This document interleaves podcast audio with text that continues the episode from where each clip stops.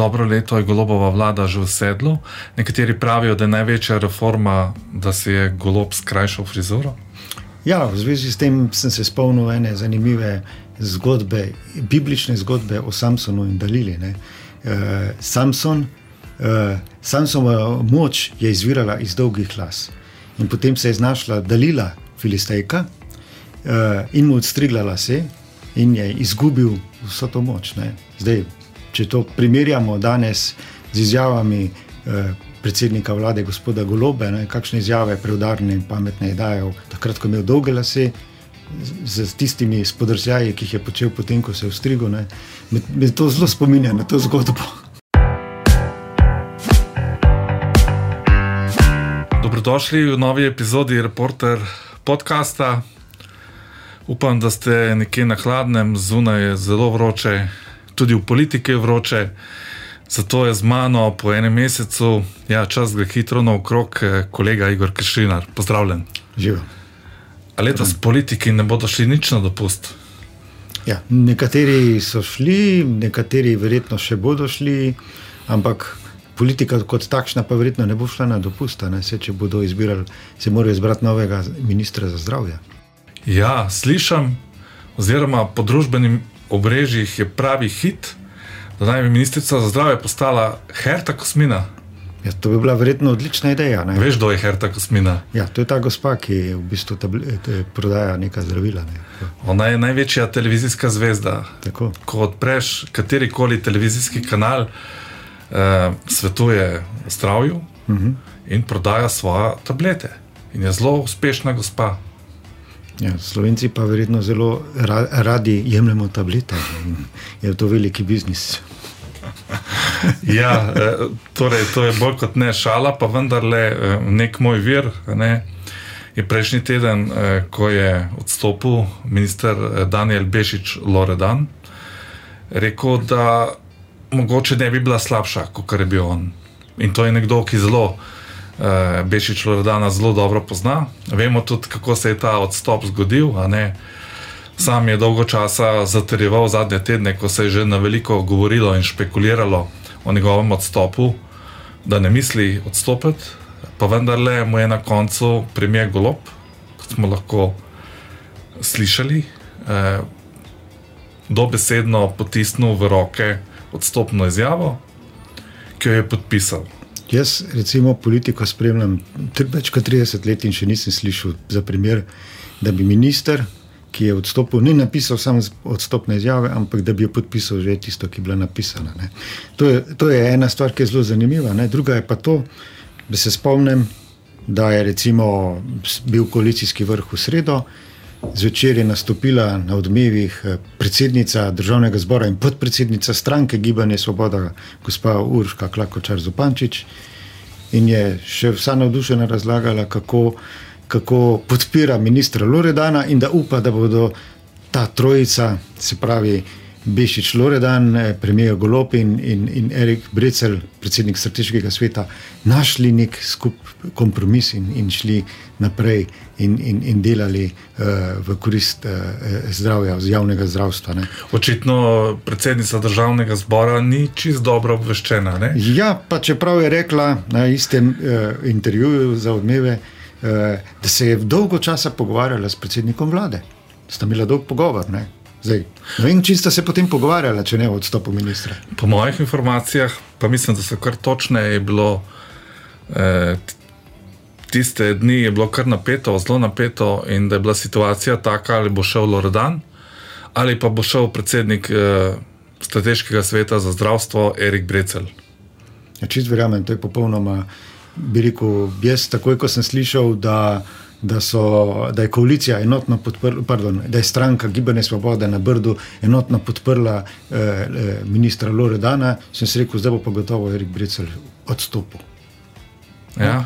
Potem pa je prišlo do nenadnega rekel, prevrata, preobrata. Očitno je, očitno je na koncu golo pocenil, da mu eh, Brecel pa ta strateški svet, ki je itak pri njemu, ne pri predsedniku vlade, to ni pri ministru za zdravje, um, bolj koristi, oziroma mu bo bolj koristil. pri tej zdravstveni reformi, ki je ena najpomembnejših reform te vlade. In pravijo, da je pač z njo vlada stoji ali pade, a ne vlada bo morala nekaj narediti. Na tem področju res je, da so zdaj eh, minuli teden v državnem zboru ukinili, ukinili eh, to prostovoljno dodatno zavarovanje, ki bo postalo obvezno. z novim letom obvezno. Eh, pa vendarle, z ministrstva za zdravje so prihajale že vsta čas zelo čudne informacije o kaosu na ministrstvu, da so ljudje množično odhajali, da je minister zamenjal pet ali šest vodi kabineta, mhm. kar že to nekaj veliko pove.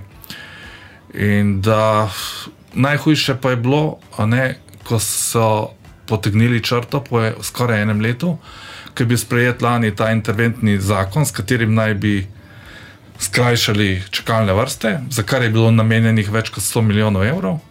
In kaj se je zgodilo? Čakalne vrste so še, še podaljšale. In veliko denarja, mislim, tam do 50 milijonov od teh 100 eh, ali več, ne, so dobili razni zasebni izvajalci, ki so upravljali bolj enostavnejše posege in diagnostične preiskave. V bistvu se stanje v zdravstvu v enem letu golobove vlade ni kaj izboljšalo, kvečemu se je poslabšalo.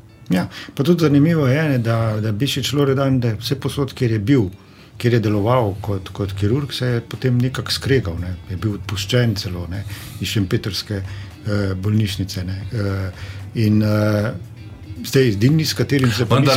Vendar le pa to eh, bi mogel golob vedeti že lansko leto, ko, ja, bila, ko se je sam ponudil za ministra. Ja. Uh, edini, s katerim se še ni skregal, uh, je pa gospod Bitenc, pri katerem upravlja zasebno Aha. prakso. In, in seveda ta reforma zdravstvena je bila tudi pisana njemu na kožo, ne? ker dober minister je dobro vedel, da je ministerska funkcija v bistvu pač začasna, eh, zasebna praksa pa je bolj, bi rekel, eh, dolgoletna. No, ampak eh, mi danes še vedno ne vemo, kdo bo novi minister za zdravje. Ne? Prej smo se na, na, na začetku sva, sva se šalila s to Herto Kosmino. Uh, Erik Brecel je v zadnjem nastopu dejal, da bi bilo dobro, da tokrat minister za zdravje nov ne, naj ne bi bil zdravnik. Da, uh, podprl ga je kasneje tudi ministr za gospodarstvo, Matjaš Han, pravi, da se strinja z Erikom Breclom. Uh, ena od opcij je, da bo ministr šele začel, novi ministr, da bo izbran in imenovan šele v jeseni. To Kaj to pomeni to... za zdravstveno reformo? To? Bah, verjetno nič, ker, ker je itak premijer to prevzel, eh, rekel patronat nad, nad zdravstveno reformo ne, in je nekako on vodi eh, te zadeve že predtem, kot že, že, že v času ministra Bešiča je v bistvu bil on tam glavni na tem področju. Ne. Pa zelo pomemben je tudi eh, ta del, parlamentarni del, ne, kjer je ta gospa Tamara Kozlovič, eh, ki to, te zadeve vodi, tudi recimo ona je nekako bila prvo podpisana pod ta zakon, ki je ukinjal oziroma spremenjal ta eh, dopolnilno zavarovanje uh mhm. -huh. v obvezno. Eh, tako da v bistvu. Eh, pravijo mi, moji veri, da je bilo to ukinitev tega dopolnilnega zavarovanja izvedeno mimo, beži šlo redana in da on tega ne bi nikoli speljal. To, to je zelo možno. Je zelo možno. Mislim, da je, da je ta zadeva. Ker mislim, da je bil takrat eh, nek eh, blitzkrieg efekt, je bil, ne, da je to vložila takrat to poslanska skupina, ne pa ministrstvo za zdravje. Tako je, to je svoj, ja. vložila poslanska skupina s prvo podpisano Tamaro Kozlovič. Uh -huh. uh, to je bilo na nek način tudi en manever, ker je takrat svobodi padla zelo podpora uh -huh. in, mhm. in so hoteli mal, bi rekel. Uh, Ker so zavarovalnice napovedale podražitev iz 35 na 45. In jim je to v bistvu prišlo prav, da so oni se v bistvu na, na ta način rešili ljudi, ne, tiste, ki si bi težko privoščili povišanje. No, ampak, lej, če greva naprej, uh, stanje v javnih financah pa ni ravno rožnato. Zdaj prišli so podatki ven o prvem polletju in letos primakljaj znaša že 413 milijonov evrov. Lani ob takem času, ko je prišlo do zamenjave vlade, je bil primankljaj bistveno nižji, 124 milijonov evrov.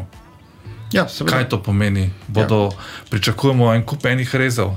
Pa Ja. Epidemije nimamo, vodja opozicije opozarja. Ne? E, gledam njegov Twitter profil, ne, e, ni epidemije, zaposlenost je rekordno visoka, hkrati pa tako velik primankljaj. Ja, tudi se bo spos- postavlja vprašanje, koliko je smiselna potem reforma plačnega sistema v javnem sektorju, po kateri bi se recimo vsem javnim uslužbencem dvignile eh, plače. Sej, mislim, če No. ni denarja, odkot ga boš vzel? Vendar je ta uh, sistem plač v javnem sektorju popolni kaos. Mi, eh, če lahko začnemo na vrhu, imamo v zadnjem reporterju naslovno temo o tem, kako so siromake iz vladne palače, da imajo premijeji, pa ne to samo golob, tudi vsi njegovi predhodniki, od Janeza Janša, Marjana Šarca, Mira Cerena in vseh ostalih. Niže plače, celo od nekaterih direktorjev javnih, majhnih javnih podjetij in zavodov. Da ima recimo nek direktor kamnoloma Vert, ki v lasti slovenskih železnic večjo plačo kot predsednik vlade, ali pa direktor ne vem, komunale Logatec, pogrebnega zavoda. Ali pa pogrebnega zavoda Maribor, Ja. pa to je katastrofa. To je katastrofa. In tudi, tudi imajo niže plače kot recimo evropski poslanci, pa imajo Am- veliko večjo odgovornost. Ampak so si v politiki, eh, hočem reči, da ne sami krivi za to, ker v vseh teh 30 letih, ko imamo mi samostojno državo, je bilo tle en kup ene demagogije. ne. Ja. Mislim, to pa, pa Slovenci so pa itak eh, zavidajo, a ne. Vsakemu, ki ima visoko plačo, pa vemo, da od plače praktično je malo ljudi obogatelo, obogatijo od česa drugega, od kapitala, ne pod plače. Plus tega pa na nek način ta nizka, stromotno nizke plače, ko ima recimo predsednik vlade, no še ostale funkcije, gotovo, a ne, najbrž nekaj povejo tudi, koliko mi malo spoštujemo državo. Ja, drži. Kdo bo šel, naprimer, za nek, eh, bomo mi dobili nekega izkušenega menedžerja, ki bi bil pripravljen voditi eh, vlado in se iti v politiko za 6500 6500 evrov bruto plače?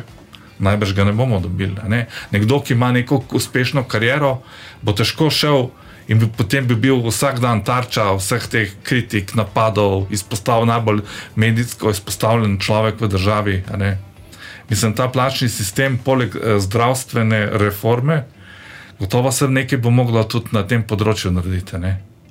Ja, to drži. ne, saj- Ampak ključno je to vprašanje, odkje bomo dobili denar, če je primankljaj takšen. Ja, res je. Res je. Uh, ja, če greva naprej uh, skozi vse ta politični spekter, uh, nekoliko sva že uh, komentirala te dogodke na vladi.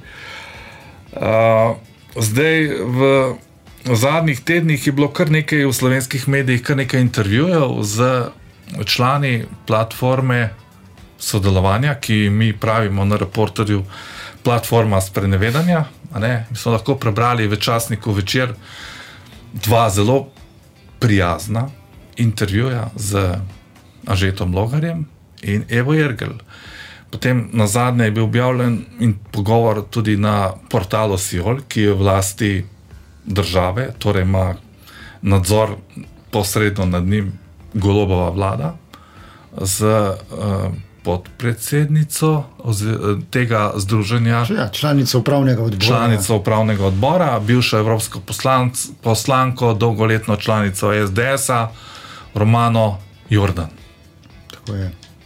Kako ti uh, to, uh, ko, okay, lej, posta, pojavil se je nek nov subjekt, ki je v bistvu neko društvo zdaj, ne, to še ni neka politična tvorba, vsi pač pričakujejo, da bo iz tega nastala neka stranka, pa vendarle tile mainstream mediji, če temu tako rečem, zelo prijazno uh, nagovarjajo, oziroma tele uh, najbolj izpostavljene člane te platforme sodelovanja. Ja, to, v bistvu je to posledica tega, ker si pač mediji, še najbolj mediji, tudi, tako kot verjetno večina javnosti, želi bolj prijazne politike, bolj, prija, bolj prijazne desnice, Desnice. ja, kar gotovo Anžel Logar je. Če ga primerjamo z Janezom Janšo. Druga stvar je to, ne, kar, kar, kar smo omenili, da je to platforma sprenevedanja, ker imamo situacijo, v kateri je, je nekdo, ne, ki velja za nek up desnice, še zmeri predsednik sveta SDS, uh -huh. nič ne bo naredil brez odobritve predsednika uh -huh. SDS. Drži, lej, eh, povem ti eno anegdoto, kaj se je zgodilo prejšnji teden. Do mene je prišel nek posrednik, ki je bil v stiku z enim. Eh, človekom iz tega ožjega Janšovega kroga in je nam sporočajo, ne, da Janes Janša bo še dolgo v SDS-u in da sta že Logar in Janes Janša med sabo o vsem dogovorjena. Ja, vse to smo mi že zdavne ugotovili, da sta dogovorjena. Se sta to oba dva priznala. Po, po predsedniških volitvah je Janša sam povedal, da je, da je Logarju predlagal, da naj kandidira samostojno in ne s podpisi eh, stranke. Eh, res, da mu je potem iz ozadja pomagal z stranke in omrežjo zbrati podpise za neodvisno kandidaturo. Mm -hmm. Uh, in tudi sam Anžel Logar je, je, je priznal, da se je vsem posvetoval z predsednikom stranke, uh -huh. da stakneta skupaj glave in tako uh mhm. -huh. naprej. Tudi smo videli, smo jih slikali, ko sta staknila skupaj glavo eh, po prvem krogu predsedniških volitev. Ko so se na zadnje, zadnje pogovarjala, ne, mislim, da še ni prišla v javnost neka informacija, da naj bi Janša ponudil odstop. odstop. Oziroma, tako Janša ne bi rekel, da ne bo več kandidiral za predsednika uh, stranke na kongresu. Kaj, kaj je bilo to, je bil kar, to spin ali kaj, a si prišel tej zadevi do dna?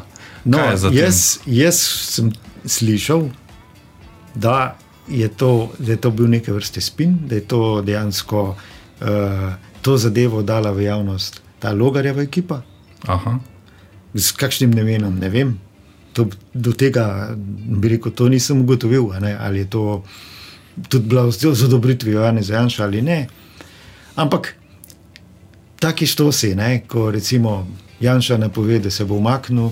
Ali pa da razmišlja, da ne bi kandidiral, me malo spominjajo na Stalina. Ne? Ko je Stalin, recimo, napovedal pred politbirojem, da bo odstopil, ne, uh -huh. so ga mhm. potem vsi prosili, da naj ne odstopi. Če se je pa slučajno zgodilo, da nekdo ga ni prosil, pa je po mojem izginil v, v noči.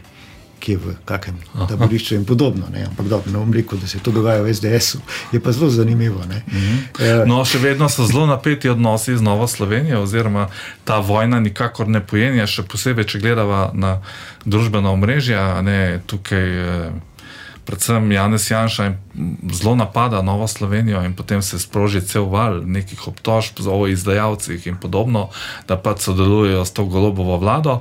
Tudi je Matej Tonini nekaj provociral, ne, eh, Anžeta Logarja, če ja. se ne motim. Ja, oblikovanje skupne liste Nove Slovenije, SLS in platforme za evropske volitve. Za evropske volitve. No, zanimivo je, ker si omenil en intervju z eh, eh Romano Jordana. Ja. Eh, bila je povprašana na evropskih volitvah in v bistvu ona ni zanikala te možnosti. Ona je samo rekla, da ona ne bo kandidirala, uh -huh. kot tudi ni zanikala možnosti, da bi iz te platforme nastala stranka. Uh -huh. Oziroma je celo rekla, da bo pustila to možnost. Ja, ja. Uh, no, ampak uh, kar pa zadeva Tonina, pa jaz mislim, da je to neka provokacija, ki nima nobene realne podlage. Če bi Anžel Logar šel na evropske volitve, bi šel svojo listo. Uh mhm. -huh. Ali pa mogoče kot nosilec liste SDS, prepričan sem, da bi stranka z njim na čelu doživela do eh, zgodovinski uspeh, ampak to bi pomenilo slovo Anžeta Logara iz slovenske politike. Torej, tista platforma ne bi nič pomenila.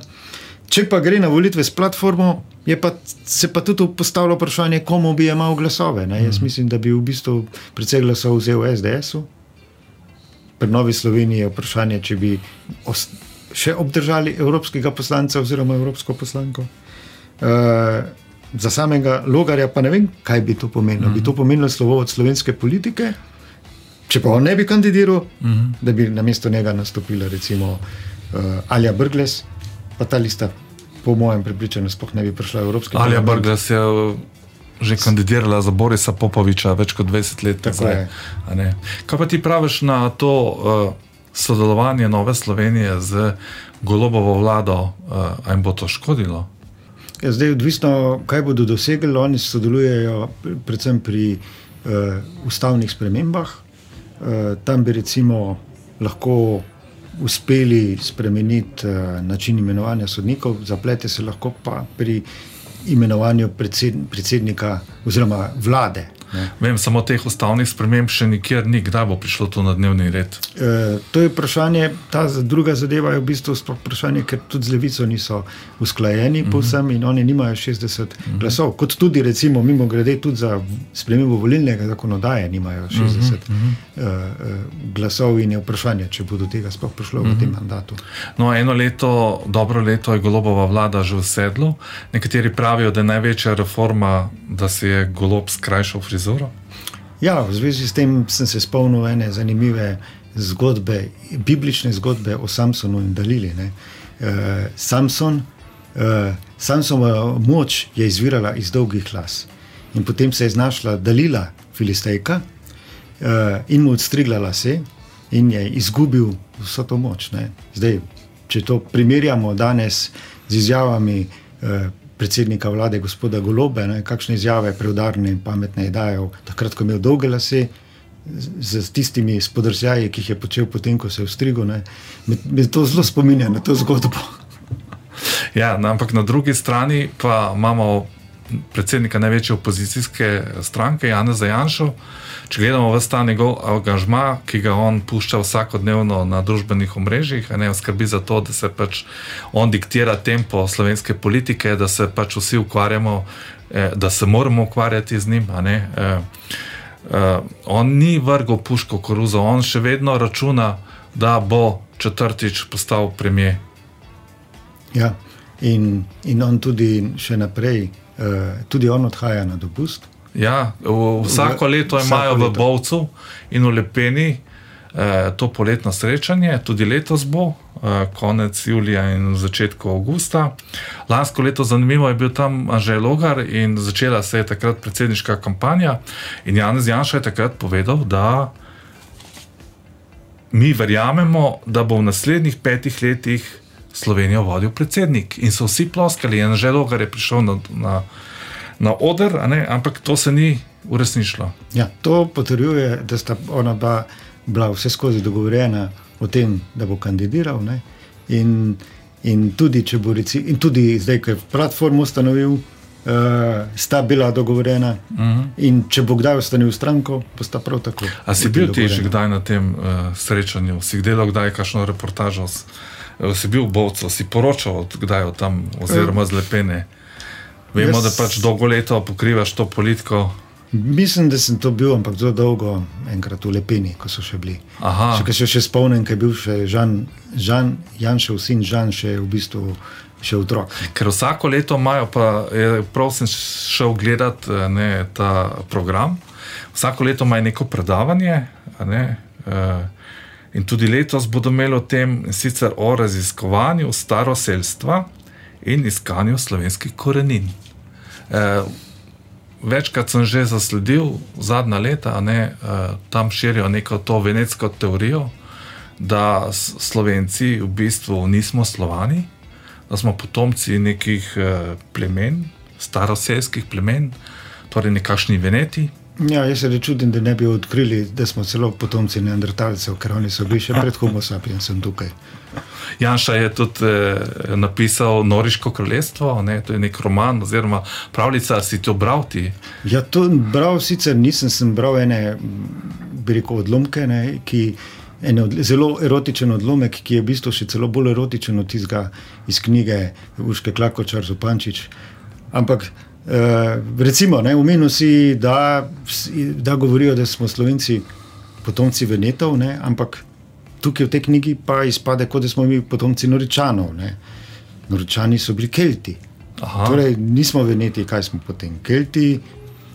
Samo, vse je samo slovani. Samo ne? slovani, ne, verjetno ja. biti slovan je nekaj slabega. Nekaj slabega. Zanimivo. No, Noriškega kraljestva, nadaljevanja knjige, čeprav mislim, da je bila napovedana, še vedno nismo dočakali, pa je od tega že kar nekaj časa. Vemo, da je naj bi Janša to knjigo napisal tudi v medprestajanju zaporne kazni na dobu.